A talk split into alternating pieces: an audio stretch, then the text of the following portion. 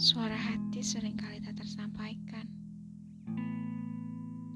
Pada podcast ini, saya mohon dengarkan suara hati, bahkan lebih dari suara-suara lain yang sebenarnya tidak tahu apa-apa tentang diri kita. Namun, ketika diamu adalah kunci, maka izinkan biarlah suara ini mewakili kata yang belum sempat terucap dari lubuk hati.